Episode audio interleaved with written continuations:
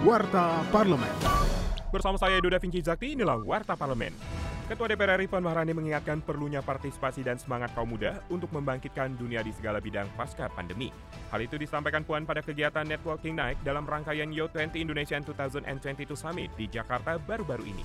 Menurut politisi praksi PD Perjuangan itu, Yo20 cocok untuk membuat rekomendasi tentang kontribusi kaum muda untuk memecahkan tantangan global, termasuk pencapaian tujuan pembangunan berkelanjutan atau SDG sebagai agenda global.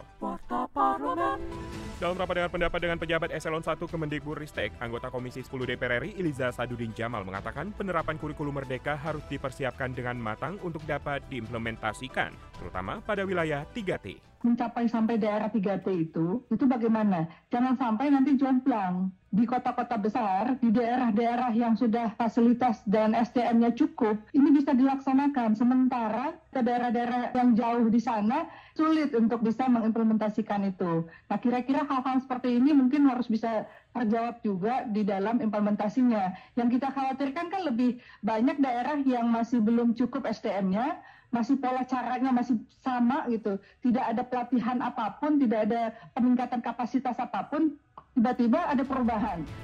Informasi lebih lanjut kunjungi laman dpr.go.id.